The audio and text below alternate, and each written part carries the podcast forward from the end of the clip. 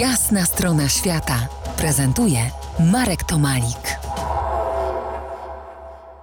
Piotr Kilian po jasnej stronie świata, miłośnik pieszych wędrówek, tych ambitnych oczywiście. Arctic Circle Trail, czyli wędrówka w Grenlandii wzdłuż koła polarnego. Udaje wam się, bo było was dwóch, przejść w dwie strony główny wariant szlaku oraz jedną stronę, w jedną stronę e, ten dodatkowy odcinek do lodowca. Obserwacja lodowca staje się czymś e, mistycznym. Jestem ciekawy Twoich tutaj zachwytów, albo wręcz przeciwnie, że się rozczarowałeś na przykład. Zdecydowanie się nie rozczarowałem. Wiesz co, Marku, no ciężko to jest w ogóle opisać słowami, bo lodowiec, no co, coś niesamowitego. No w jest, radiu nie mamy innego wyjścia. to jest niesamowite, to jest przeogromny, jest błękitny, jest...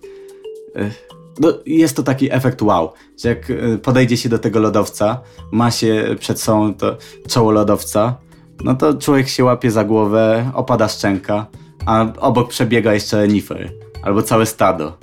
No, niesamowite. Ja nigdy nie widziałem czegoś tak błękitnego. Ja płynąłem ocea- przez ocean żaglówką, e, różne błękitne rzeczy widziałem w swoim życiu, ale nic takiego. Ale widziałeś też zorzę polarną, gdzie było to większe wow. E, Na zorze się nastawiałem, że będzie wow, a na lodowiec pomyśleliśmy sobie, że a, po prostu wejdziemy na niego, zobaczymy co będzie. I jest różnica między takim wow, na które się nastawiamy, a na takie wow, które nas zaskakuje. Jest. I czyli myślę, że ten lodowiec mimo wszystko przebił zorze. Kiedy następuje w czasie takiej wędrówki, przychodzi znużenie, kiedy już po prostu to wow stopniało, a tu trzeba iść niestety dalej i niekoniecznie non-stop mieć przed oczyma lodowiec, czy też zorzę polarną. O wiesz, to to były tylko 4 tygodnie wędrówki, więc zdurzenie nastąpiło jak wróciłem do Polski.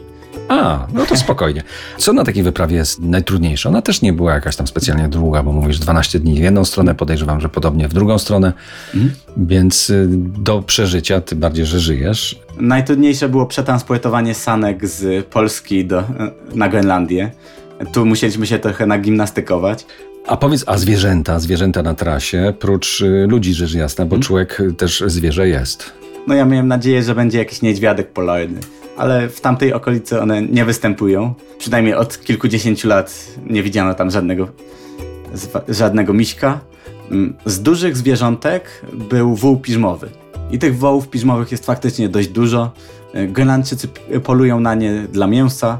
Oprócz tego wspomniane wcześniej reniferki. Z mniejszych zwierzątek to króliki, jakieś tam kozopodobne zwierzątka i dużo ptaków. Ale Grenlandia, szczerze mówiąc, to nie jest y, miejsce, w którym y, występuje sporo zwierzątek. Jeśli ktoś chce obejrzy- y, oglądać zwierzaki, to zdecydowanie w inną część świata.